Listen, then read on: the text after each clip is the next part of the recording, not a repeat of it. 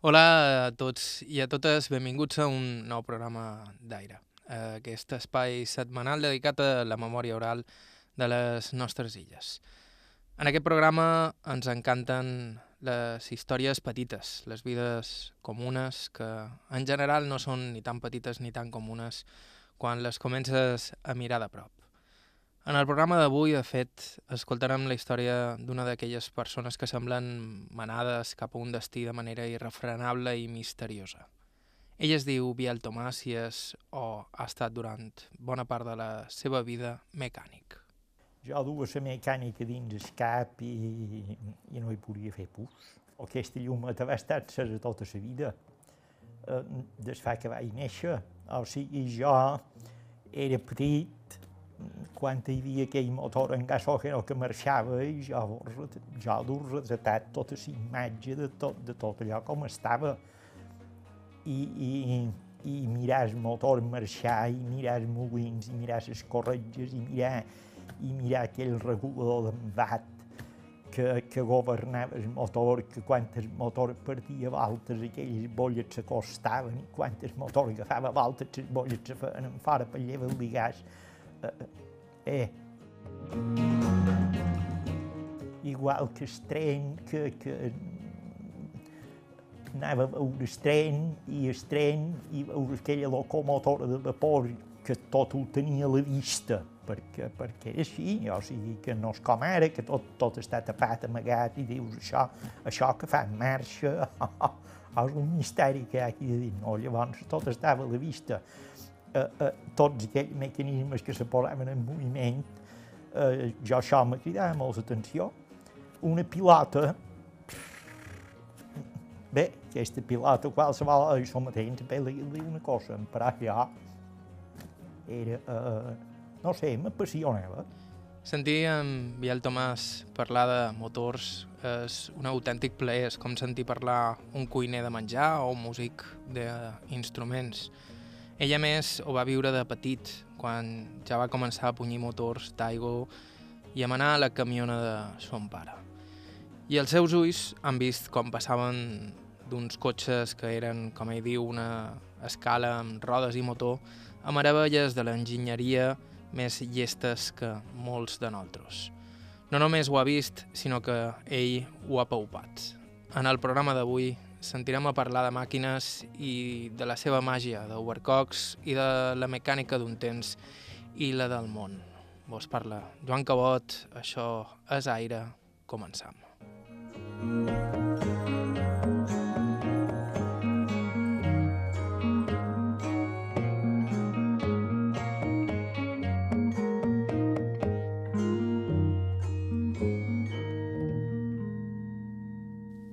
Som a Porreres, just davall d'aquesta casa on l'entrevistam i va tenir el taller durant dècades.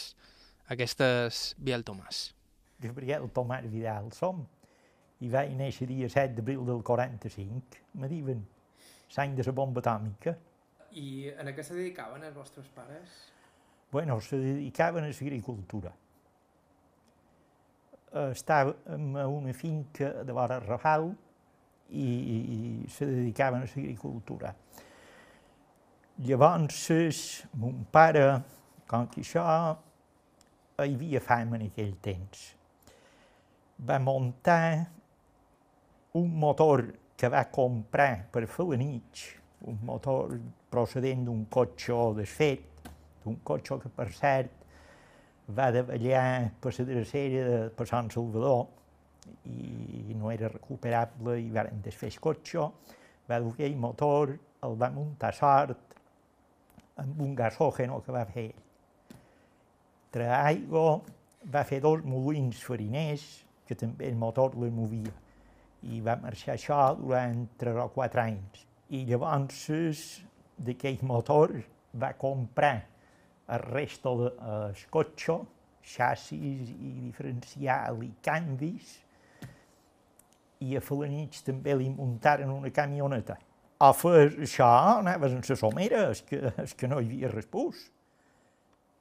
I va muntar aquesta camioneta i llavors, perquè ell ja uh, antes anaven a vendre també a les places de llum major i això, clar, llavors va tenir un poc més de velocitat per, per poder anar a, a vendre i a treure material que, que, que, que se tre de l'agricultura. Després, quan comptàvem la seneta, han dut 800 pessetes i pensa que han posat 50 pessetes de benzina i en tenim per tornar-hi de benzina. O sigui, havien posat 50 pessetes de benzina i encara tornaven a tenir benzina per tornar a fer un altre viatge. O sigui que... I 800 pessetes, bueno, era un jornal, això. Una partida de canastros de domàtiques, una partida de canastros de prepes, un pot de fruita... O sigui, no és que hi anéssim amb un viatjasso com hi van ara. Era un viatget normal i corrent. Aquell era un altre Porreres i una altra Mallorca.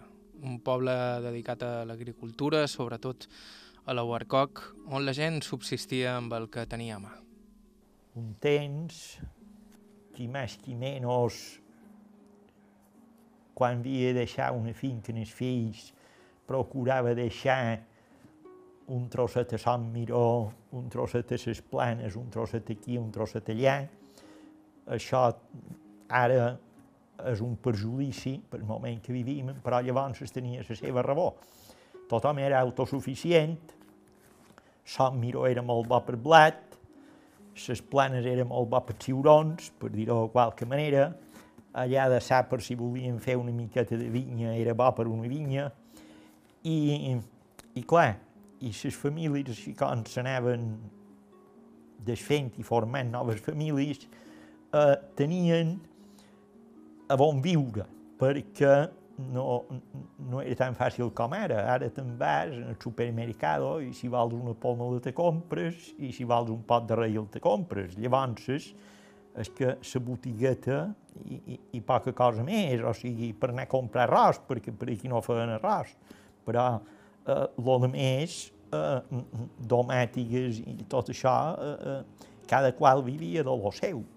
Eh, és vera que eh, tu que tens domètiques, no, jo encara no en cuic bé, i te'n donaré un parell de les meves.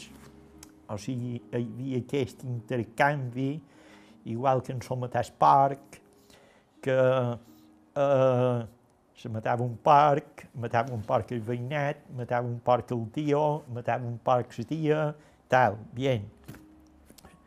Però es que era rebost de tot l'any, el porc. Sobrassada, ferrons, eh, sobrassades talets un poc més grossos, que duraven més, eh, eh, no hi havia geleres, i te fiques dins aquell context i la gelera on era? uh, el mateix porc era una festa, uh, venien aquells, venien els altres, tothom se n'anaven al seu present. Pot de llom, uh, un filall de botifarrons, uh, un pot de camp magre, un pot d'això, un pot d'allò altre, un pot de fetge, un pot de lleu, i te n'anaves cap a casa teva amb algo fresc de carn. Però és que això, quan tu mataves el porc a casa teva, també feies el propi repartiment. I passava que durant els dos mesos de matances menjaves porc fresc més o manco eh, eh, cada setmana, si no era cada dia, i sense haver hagut de posar gent dins gelera.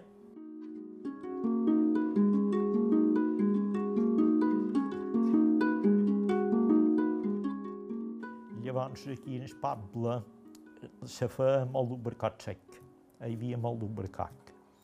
Ubercoc mm, de qualitat, perquè pintura per, per terreny que és o això, l'ubercoc era de qualitat bastant bona, i estem dels ubercocs, el poble quedava aturat. Hasta el capellà va dir que no era pecat anar a missa, no anar a missa en diumenge. en aquell temps. Eh?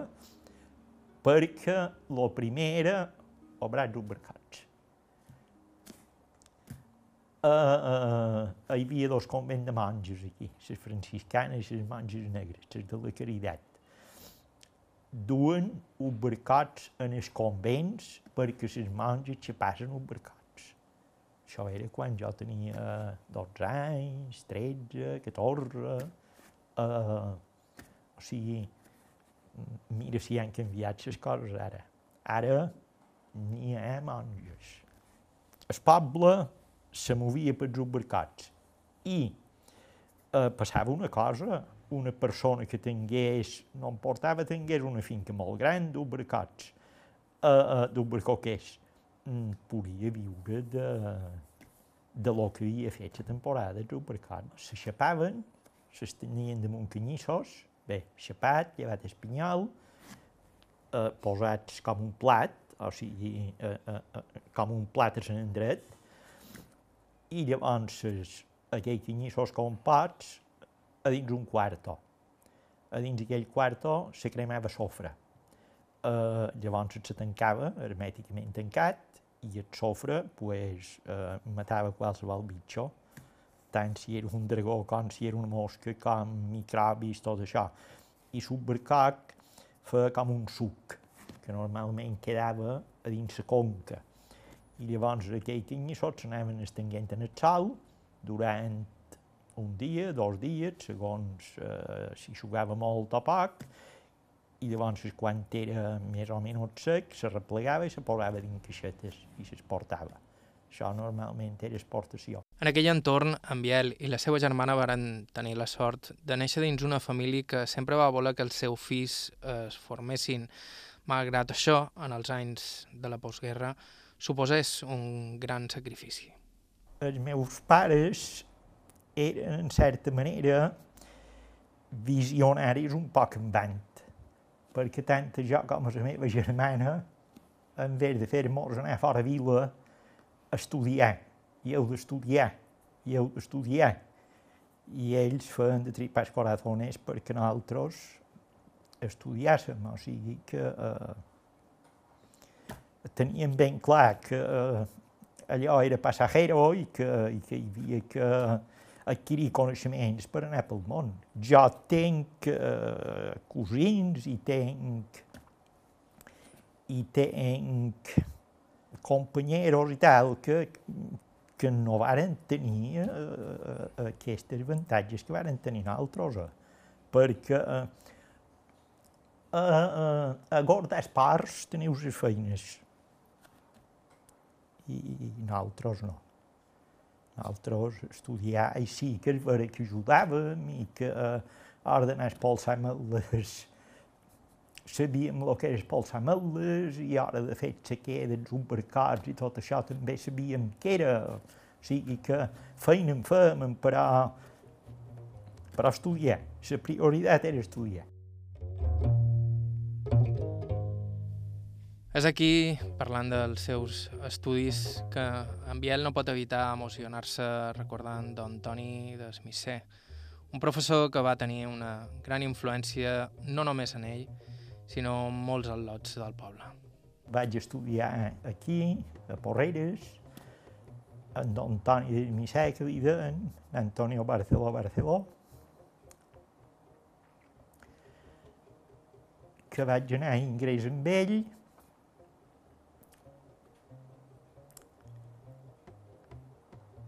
els records són molt putos, segons quins, perquè a Don Toni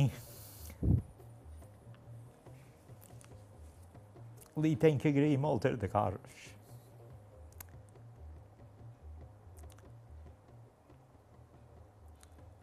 Perquè era un home que en el seu moment volia ensenyar.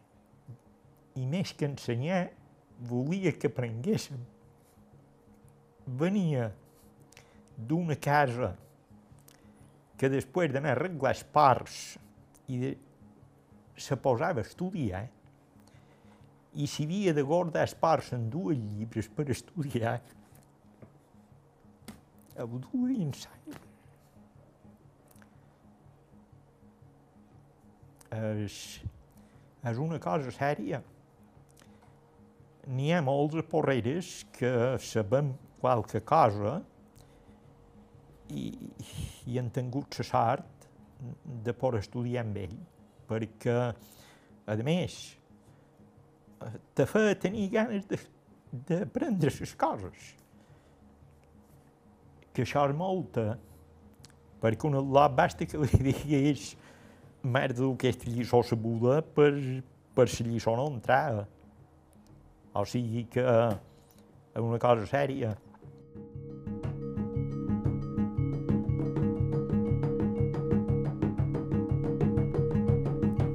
En Biel estudiaria fins a tercer a Porreres.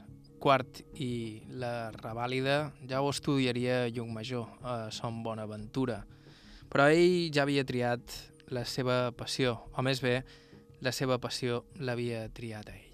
Punyir motors em punyia amb un pare, ja. Eh, quan anava a escola i tot això em punyia amb un pare, perquè llavors passava una cosa. Per tenir una cosa que marxàs, havies de tenir una mica d'idea de com funcionava, perquè si tenies un problema eh, i havies d'anar a cercar el mecànic, valia més que anaves en la somera, perquè tenies allò aturat, havies d'anar a el mecànic, el mecànic havia de fer el que havia de fer, però la màquina estava aturada. I, i mon pare, sí, tenia un pot d'idea amb això. I, i moltes coses les feia ell, eh, a Sart, a Nostra. Un dia, perquè abans en la camioneta, com aquí en sou la mare de les Salines, eh, hi havia finques per allà, eh, anàvem a traginar garbes perquè els abatíem eh, a sort per, per comoditat. I un dia veníem en la camioneta i antes d'arribar a Campos, de Santanyí cap a Campos, diu que els motors s'han calentit, m'han quedat passat, bueno, altura, la vorella de la carretera, eh, s'ha romput la corretja del ventilador, bien. No, va agafar un bencí, una corda prima, que un temps fermaven les garbes. Va agafar, va desfer la garba, la que li va aparèixer el venciment sa, va tallar, va entrelaçar els cats, de tal manera que quasi, quasi no se notàs nu ni se notàs res, va fer de mida, va posar cap a Campos. I a Campos, eh, un mecànic, menys hi havia una corretja i vam poder corregir i listos. Però això representava que perdérem mitja hora quarts i arribàrem a Can Nostra. Si no hi hagués hagut aquesta mica d'idea de, de solucionar-ho, eh, és que esperar que em passi un altre de cotxe també perquè mos dugui camp pot ser que de bo. No és com ara que passen seguit, seguit, és vera que fas així i ningú s'atura. Llavors s'aturava tothom, però tothom, moltes de vegades eren molts de tant en tant. I, i, i així només vam perdre el temps de, de la mitja hora que van entrelaçar d'això i va fer la corregimida i, i vàrem arribar a Campos i a Campos hi va haver un mecànic que va tenir una corretja i ja ho parteix. Aquells eren altres temps i no és d'estranyar que un atlot inquiet com ell s'enamorés d'aquelles andròmines que feien un renouer i marxaven quan volien. Aquí eh, se va instal·lar un electricista en Caramona a, a els temps que començava qualque biscúter. No... I, i, I jo, quan sortia d'escola, que en aquell moments tenia entre 9 i 11 anys, eh, eh, he acabat les feines, la bicicleta a peu, rem, rem, rem, rem, quatre camançanes de carrer, i anem a veure en Carmona, veurem que és el que tenia desfet aquell dia. Uh, ja un motor d'arranque, una dinamo, una cosa allò, fils embolicats per allà de dins. Eh, no tocava res com a lògic, però allò m'apassionava. Sí, sí, sí, sí, sí, sí. Estava apassionat per això. Un dia, eh, en Cremona va dir mon pare, diu, bé, aquest és lot teu, eh, eh, que hem de fer, l'hem d'ensenyar, que, que hem de fer, diu, perquè té un, una paraula, un, un, un interès, una idea amb aquestes coses que, que és molt. En Biel Tomàs estudiaria mecànica a distància i durant un temps faria feina a una ferreria. La raó és òbvia si te l'expliquen. En aquells temps els mecànics havien de fer ells mateixos moltes de les peces dels cotxes que reparaven. Hi havia la CH que fa cursos a distància i jo vaig enviar a demanar llibres de mecànica i vaig fer un curs i, i clar, ensenyava el que ensenyava, eh, les ensenyances eren molt bones, qualsevol cosa per aprendre, si, si, si un al·lot, si allò li crida l'atenció, eh, aprèn les coses. Si allò no te crida l'atenció, llegeixes i llegeixes i llegeixes i intentes memoritzar, i has memoritzat una cosa i la saps a la carretilla, però no saps què vol dir. I, sin embargo, jo, tot el que llegia damunt d'aquells llibres, eh, sabia què volien dir, perquè, perquè els agafava, els agafava la idea tot d'una. Llavors, eh, vaig anar a fer feina en una ferreria aquí a Porreres, que més Antoni Sorell, perquè en el mecànic que anava amb un pare eh, li va dir per jo anar a fer feina, diu això diu, val més que faci un parell d'anys de, de ferrer, perquè eh, moltes coses s'han de fer, és vera, moltes coses s'havien de fer en aquell temps. No, peces. No, peces. No hi havia, eh, no hi havia el que ara, no hi havia la facilitat ni de comenar-les, ni que hi fossin, ni que arribassin, perquè si havia de venir de Barcelona, fa més dia avui venir de la Lluna que no venia llavors venia de Barcelona. I si a Barcelona era, perquè i llavors la varietat de, de màquines que hi havia en aquells moments per aquí, que moltes eren d'entreguerres, eh, eh, moltes coses s'havien deixat de fabricar, no, perquè, perquè clar, els fabricants europeus ja anaven una passa més en van que nosaltres i, i si tu se l'haguessin comanat qualque cosa d'un cotxe un poc més actual, sí que l'haguessin tingut, però allò, ui, això ja està retirat, però nosaltres era el que teníem. I sobre els cotxes que teníem en parlam en una estona. Estau escoltant Aire, fem una petita pausa i continuem.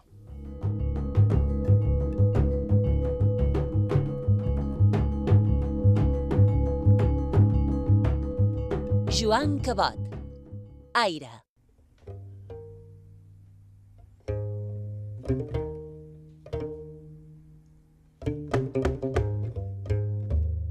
Aire. Joan Cabot.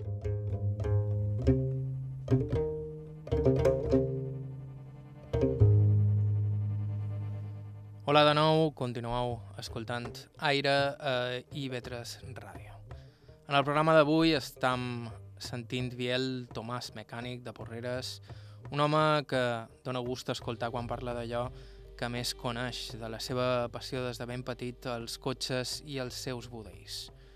Fa una estona el sentíem explicar els seus inicis en el món de la mecànica i hem de tenir en compte que en Biel és una excepció perquè ja punyia motors de petit i ha tocat amb les mans, mai més ben dit, una de les transformacions que han marcat els nostres temps.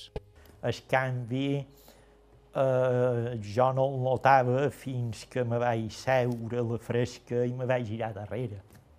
O sigui, llavors es fas un anàlisi dels canvis que ha hagut. En aquell temps el cotxe havies de posar en marxa el primer, que ja era molt posar-lo en marxa, perquè havies de saber si el motor com se comportava, si havia de menester estirar l'aire o si ja l'havies negat. Cosa de que avui en dia te poses dins el cotxe i pitges el botó eh, si és que el necessitis pitjar per partir ja, perquè ja eh, la tecnologia ja, ja supera aquestes coses. I una vegada va partit, Uh, uh, primera, sí, muy bien, ara li he d'estirar una miqueta, ara l'he de retrasar una mica perquè el motor puja una costa, ara me pica una mica, ara No, ara va descansar, rup, ara eh, hi havia aquell fars, el fortà, que en aquell moment li deien el fort de set cavalls, eh, que duia una espècie de grifonet que actuava damunt un mecanisme d'escarburador que feia que li donaves un poc més de benzina o un poc menys perquè venia una costa i, i no podia i doia un poc més de benzina i, blu, i allò se desesperava quan havies acabat de pujar la costa li estranyies perquè eh, si no acabaves el depòsit pel camí, o sigui que havies de satur el dosificador dels paràmetres més importants del motor perquè ell no feia res per ell tot sola. Eh, no és com ara que tot això, l'electrònica, ho, ho fa eh, la mescla de les taquiomètriques, aquí, tal, tal, sí, sí, té la seva sonda, té l'escape, si no en du quatre, perquè això... I, i, i per mides, i diuen el xino, ep, tanquem un poc el grifó, perquè ara la benzina se passa, ara en falta, i està constantment dosa, dosificant eh, la mescla, però eh, eh, a la mil·lèsima de la necessitat. Llavors, eh, era això altre. Eren cotxos eh, eh, qualcun d'americà, amb un motor, com dic, aquell ventilador de llars, perquè ells no... La benzina per ells no era res. Uh, uh, aquells cotxos uh, hi havia qualque cotxe automàtic ja per aquí, perquè els americans uh, l'automàtic, uh, quasi, quasi primer feren l'automàtic antes de fer de canvis, perquè el fort potada que diuen, el fort T, uh, era un, un símil en l'automàtic, o sigui, el que passa que era un automàtic que el maneves en els peus, però la eh, caixa era la caixa rudimentària automàtica, per dir-ho de qualque manera. Eh, eh, hi havia el fortà, per aquí, n'hi havia bastants, perquè era un, un cotxe robust, eh, molt de motor, bueno, molt de motor, un quatre cilindres, però amb pistons en, en, en cilindres de 90, o sigui que allò era, era una bèstia de motor. Uh, hi havia vuit americans, uh, supos que qualcun que havia vengut en qualque contrabandista, perquè el contrabandista havia de fer via, i, i, i la Guàrdia Civil anava en bicicleta i i llavors, llavors hi havia Citroënets, Citroënets 5 cavalls, que, eh, que era com una galera en rodes de goma i un motor, perquè té eh, i dues portes a davant i, i, i pare usted de comptar, o sigui, el que hi havia. I llavors ja va començar a venir qualque, qualque balilla, el Fiat Balilla, que ja era un cotxe eh, bastant modern per l'època perquè ja duia frenos hidràulics i ja era, ja era una altra cosa. I bé que anava, no? O sigui, el Fiat de Balilla eh, eh, jo vaig tenir una experiència els temps que, que jo ja conduïa eh, amb permís. Eh, jo m'anava un fregat, eh? Que era un Renault Fregat, eh? quatre cilindres, però aquell cotxó ja era bo, com a l'època, i jo m'anava aquell cotxe, jo tenia eh, una vintena d'anys en aquell moments, i una persona major venia en sobre l'illa i jo el vaig deixar fer o sigui, aquesta persona era bastant major que jo, anaven sobre l'illa i jo vaig dir, si vols, corre, corre. Allà on, suposadament, havia de tenir més mal pescat jo que ell. O sigui, jo vaig ser conscient de que, de que, bueno, que bastava la velocitat i ell me fugia. O sigui que les balilles anaven bastant bé. Avui dia sembla una cosa molt remota, però no fa tant els cotxes eren màquines completament diferents. Quatre bocins de ferro, un parell de cadires i un motor que estirava. L'aparició del Seat 600 ho va capgirar tot. Va ser una autèntica revolució en un moment en què tenir un cotxe no era tan habitual i en què els cotxes canviaven molt poc. Els cotxes van passar una època que canviaven poc. O sigui, l'època del 124, R12 i això, sí, sí, sí, canviaven, però no canviava res. CR12, per exemple, va sortir CR12S i CR12TS eh, amb diversos anys de diferència i, i no canviava res.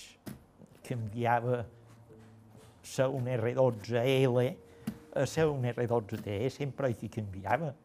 És que tècnicament sí, pot un carburador dos cossos han fet, fa una miqueta més de via emprar, però te ficaves dins el mateix cotxe, seguies sense dur aire condicionat, seguies el mateix, seguies les marxes allà mateix, seguies amb una paraula, que per partir de matí li havies d'estirar l'aire, o sigui que era de cara, a, era. Més psicològic el canvi que, que, que real. Uh, I així se passaren 10 anys bons, o 15, que els cotxos canviaven molt, però canviaven poc. El que llavors varen partir ja eh, qualque cotxe que pogués venir de por ahí ja venia amb injecció, cosa que per aquí encara no, no era, injecció electrònica. Aquí tots els R11 que se varen vendre, se varen vendre en carburador. Eh, sin embargo, R11 que venien de, de fora eh, eh, ja duen injecció, perquè aquí se podien seguir venguent i en el país d'origen no. I aquí eh, a Pentura molt varen tenir eh, durant aquells 15 anys, perquè igual que 124 i 1430 i tot això, eh, sí, 1430, sí, el veïnat s'ha comprat un 1430 més que jo, perquè jo només tenc un 124, però aquí s'acabaven les diferències. Sí, tenia un poc més de motor, teníem, però era la mateixa carrosseria, copiada, un parell més de molt duretes i, i, i, i, i s'hi acabó. Llavors es varen començar a venir altres cotxos ja que, que de nous també varen sortir en carburació, però llavors se les va posar injecció i, i a partir d'aquí sí que eh, en pocs anys hi va haver molt de canvis.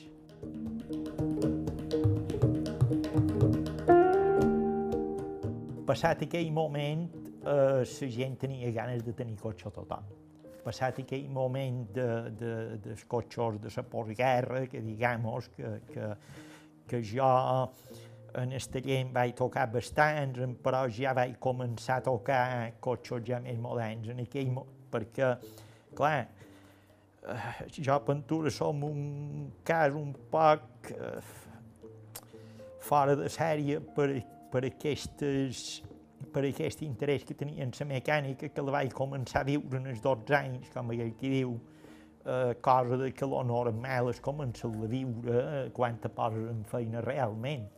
Però eh, en aquells primers moments el qui tenia cotxe i qui en podia tenir era aquesta persona que tenia una mica d'inventiva i que tenia una mica d'idea i que tenia, perquè si no, Eh, tot el temps estava esturat. Uh, sin embargo, llavors uh, va començar a venir 600, va començar a venir uh, el Delfín, uh, llavors un poc més endavant uh, uh, hi va haver CR8, uh, llavors el 5000 i bé, i 4 i tot això que ja eren cotxos, mm, entre comilles, moderns, uh, que ja eh, te posaves dins el cotxe, ja duia un motor d'arranque fiable, no com aquells cotxes antics que quan no hi havia bateria no hi havia escobilles i quan no hi havia una cosa fallava l'altra i acabaves per d'anar a donar maneta. I no tothom tenia l'habilitat de saber donar maneta per posar el cotxe en marxa. I, i amb una paraula, i, i, i, i- en aquell moment la gent eh, encara anava en somera perquè, perquè en Joan aquí això no ho posem en marxa mai tanmateix. Però llavors, quan ja hi va haver màquines una mica fiables, es qui, es qui podia arribar a un CEAM 1400, això ja era, eh, ja eren paraules majores, però clar, aquestes màquines ja, llavors, es, això encara no hi havia aire condicionat, però llavors un poc més en vam venir. En aquell temps, l'aire condicionat, eh, en els temps de jo que era el lot, en els camions, era llevar la porta del conductor. La porta del conductor llevada i posada una cadena. I això era l'aire condicionat. Barbaritats. Vaig des punt de vista de la seguretat, que, que, que, que, que... però bueno, cami el camió anava a 30, tampoc no passava gaire cosa.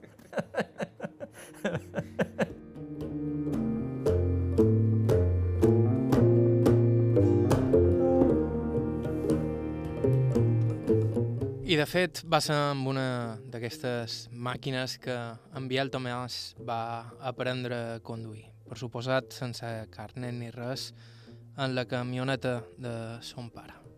La camioneta, jo quan anàvem amb mon pare, jo tenia 9 10 anys, aquestes entonces, eh, me sé damunt dels seus genolls i m'anava volant. Si no m'anava volant, perquè, perquè, bueno, perquè segons quines carreteres eh, eh, havien d'estar alerta, això si agafaven la carretera de Palma això, tampoc no era massa aconsellable fer això, jo li canviava les marxes. Jo sé suquinos, canviava les marxes. Quan havien de canviar marxes, havien de fer doble embrague, no és com avui, que marxes sincronitzades i facis el que facis, la marxa passarà. Uh, llavors, uh, si havies de reduir una costa, primer posar punt mort, mollar embrague, pegar una accelerada, tornar a desembragar i llavors passar la marxa que volies, de directe a segona, perquè si no es fa rac.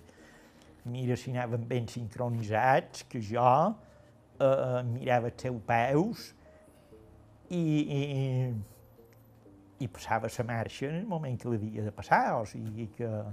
I la primera vegada que el vaig manar en vivo va ser una vegada que m'on anàvem a Santanyí. Uh, quan vàrem davallat la capa ballada de Som de Nus, uh, jo vaig demanar, ja li havia demanat fa un poc, veiem si puc manar una estona. Va, va aturar la camioneta, va voltar, ell puja, diu, au, tot el volant teu, i marxa i tot. I pensa, jo estava... No sé per què era petit. I vaig pitjar l'embrague, pas primera, no vaig donar gat suficient i vaig calar el motor. Maneta, motor en marxa, altra vegada, i, i ja el vaig calar pus. Bé, l'he calat moltes vegades, però, però bueno, eh, ja, ja, a partir d'aquí ja vaig partir manet. Com ens comentava abans, en Biel Tomàs estaria un temps fent de ferrer, abans de fer-se mecànic i poc temps després obriria el seu propi taller. En aquells temps ho tenien bastant fàcil. Vaig fer un any i mig de ferrer, perquè llavors hi va haver un altre mecànic que, que eh, amb una paraula me va proposar anar a fer feina a casa seva i, i vaig anar a fer feina a casa seva, perquè aquell ferrer encara no tenia soldadura elèctrica. Llavors vaig anar a fer feina a Palma, vaig fer servici, eh, vaig entregar voluntari i llavors eh, varen muntar el taller. I tota la vida estat fent feina. En aquells moments no hi havia ni traves burocràtiques, ni hi havia problemes d'aquest casta. O sigui que el taller varen pensar de muntar-lo, sí, sí, sí, muy bien, i, i vamos. Ni permisos, ni expedients, ni res de tot això. un dia conversant amb Sobalda jo tindria ganes de muntar un taller de tira per endavant i, i, i, i ja està. Això era, sí, fet.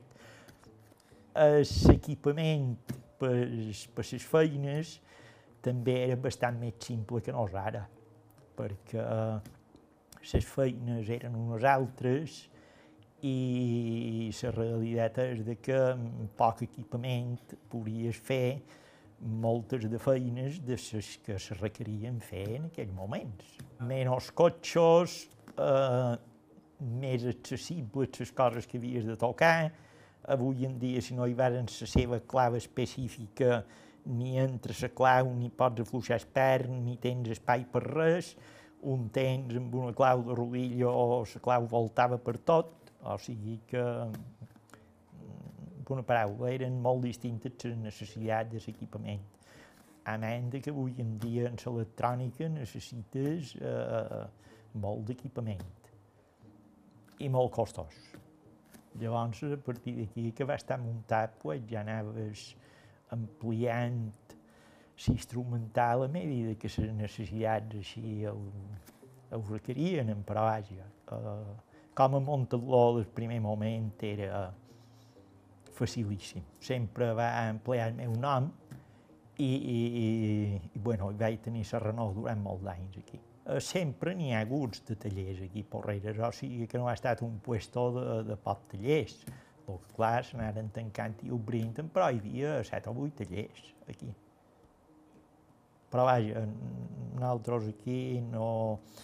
Eh, temporades de crisi, temporades de res, eh, seguíem la mateixa marxa sempre. I així va estar fins que es va retirar amb 68 anys. D'aquí uns segons a aire, motors, ordinadors i què se n'ha fet del romanticisme en la mecànica. Fem una petita pausa i continuem.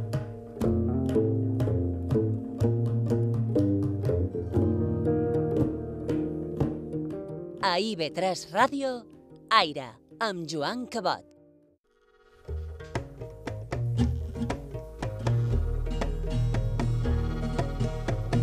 A IB3 Ràdio, Aire.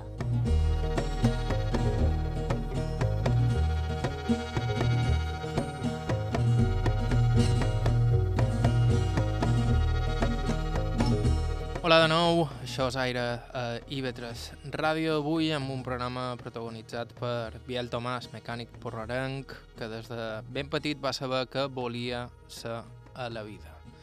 Abans de continuar, vos recordam que si vos heu perdut el principi del programa sempre podeu recuperar la ràdio o la carta a ib3tv.com barra ràdio o bé via podcast, eh, Apple Podcast i similars. Nosaltres ens havíem quedat precisament en el moment en què en Biel va obrir el seu propi taller. Com ens explicava, la feina mai li va faltar, però sí va canviar moltíssim al llarg dels anys. Aquí el sentim quan ens explicava la mena de problemes que tenien els cotxes quan ell va començar de mecànic. Completament un altre món. Hem de tenir en compte que les carreteres en aquells moments eren les que eren. Perquè jo record la carretera de Campos que no estava asfaltada, la carretera de Flanich que no estava asfaltada. Uh, la de Montuïri tampoc. D'aquí Montuïri era pols. Es, eh, se fa un còctel a dins la carretera d'aquestes de pols, aigua, fang, pols, això era un còctel eh, eh, corrosiu i corrosiu i, i, i, i agressiu i abrasiu perquè desgastava i llavors el cotxe el deixava aturat 8 dies i te feia rovell. Parlant de com eren les màquines un temps i de què suposava arreglar-les, en Biel me conta una anècdota prou il·lustrativa que serveix per veure fins a quin punt la gent era autosuficient, entre d'altres raons, perquè no li quedava més remei. Tenia un tio a les Salines que m'anava el tractor del Rafael Ginès i això, antes que la vall duguessin un tractor de gasolina, que Pentura heu sentit parlar del tractor que va dur la vall, després d'una partida d'anys a Manacom varen dur un també com aquell, un Caterpillar, que per cert allà serà que està a la rotonda de l'hora la policia de Manacor, no sé si n'has passat cap pica o no, aquesta arada va venir lliurar a nostra. Uh, bé, antes d'això, els tractors que hi havia eren els que hi havia, que n'hi havia pocs, normalment eren cletrats de benzina, que quan les havien posat en marxa amb benzina les feien, passaven a gas eh, d'això, a petróleo, perquè si no era, valia més lliurant la somera que lliurant el tractor, perquè costava molt. I el tio meu aquest, que era un visionari de, eh, de les màquines, eh, manava el tractor. Va fondre una biela. I bé, i jo, com que m'ho manjo de les xalines, a vegades anàvem a les xalines, i, i el tio Joan Abonés i tal, i perquè el, el, el tio Joan eh, dins el cementer aquell de Rafael Ginès, que, que han espanyat el tractor i tal. Bé, res, anirem a veure'l. On anàrem a veure el tio Joan? Uh, uh, peu, perquè, perquè tampoc era massa en fora, ben que dir jo que tio Joan, una biela desfeta en el motor, uh, uh, clar, eh? havien de treure el càrter per baix. Varen haver fet un fosso a puesto, o sigui, havien, havien cavat galivans i, i cada qui s'anava, lo suficient per poder fer feina baix del tractor, amb més o menys comoditat, per, per desfer el que havien de desfer, per arreglar el tractor. Perquè a on era el tractor perdut en aquell de remolc cap en el taller? Saps què és de bo? En vistis dur-se'n allà era poc menys que impossible, això era un cletrat d'allò amb cadenes de ferro que, qui ho mau en aquell tanque. I això és el que hi havia en aquell temps. Molta moral. I ara, ai, ara duc aquesta roda buida, no, jo telefono a l'assistència, ring, assistència, mem, no, és que he fet parxa i jo no me va bé canviar la roda i l'assistència que vegi. Aquell temps no era tan fàcil. L'amo Miquel Alegria de Llum Major, que feia motors, de per treure aigua i coses d'això, per lo que d'emplear de, el que tenies. Uh, jo vaig xerrar bastantes vegades amb ell perquè nosaltres en teníem dos de motors seus per treure aigua. Un de gat calent i un de metge. Uh, els cigonyals d'aquells motors, ell les fa d'eje de vagó de tren. Anava les cotxeres del tren, comprava un tros d'eje de vagó de tren, se n'anava a la fundició mallorquina, que li donassin la forma en brut, que l'antís ferro i dona-li la forma en brut, i llavors ell en estona acabava el cigonyel, o sigui que eren ganes de fer un motor. Eh? Però és que, és que eh, en aquells moments no, no, no, hi havia, no hi havia més si volies un motor.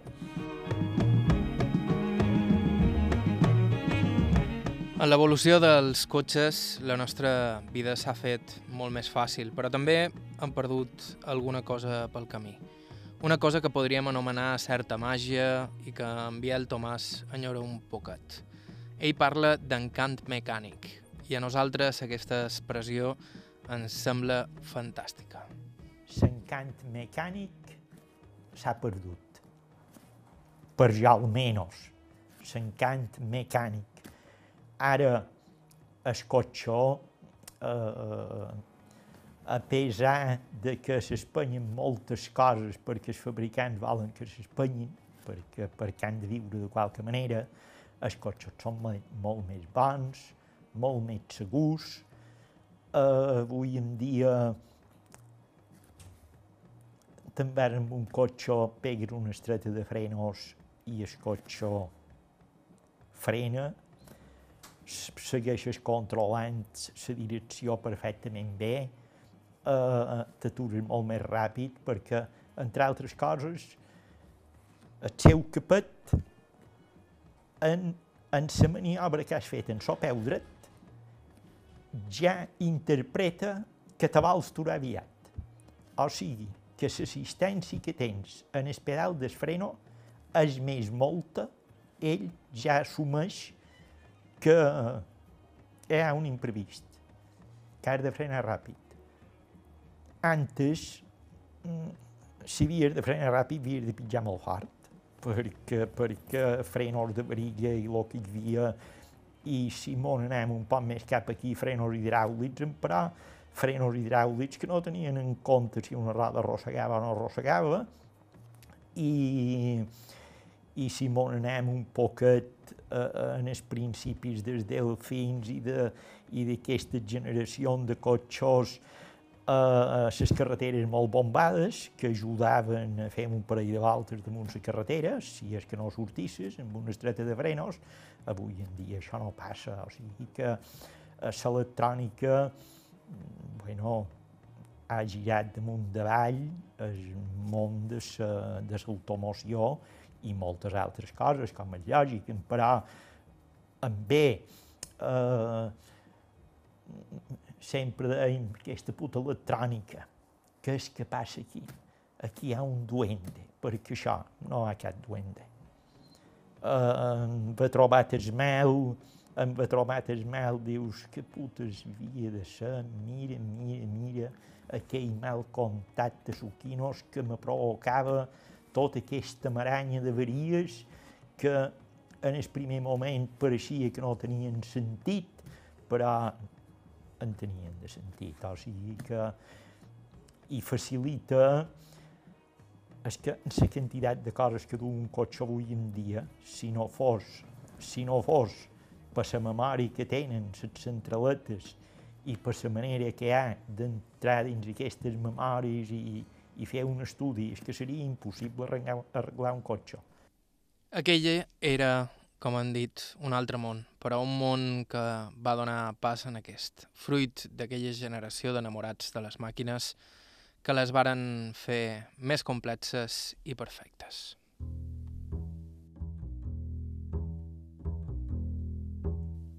I fins aquí el programa d'avui. Moltíssimes gràcies a Biel Tomàs pel seu temps i amabilitat. Nosaltres tornem la setmana que ve amb un nou programa d'aire. Ja sabeu que ens podeu sentir a qualsevol moment a la ràdio a la carta i vetrestv.com barra ràdio i via Apple Podcast i similars. També ens trobareu a Facebook, a Instagram i si voleu res sempre ens podeu escriure a aire arroba ivetresradio.com. Bàrbara Ferrer i Margalida Mateu a la producció executiva, Miqui Fiola la producció tècnica, vos ha parlat Joan Cabot. Fins la setmana que ve.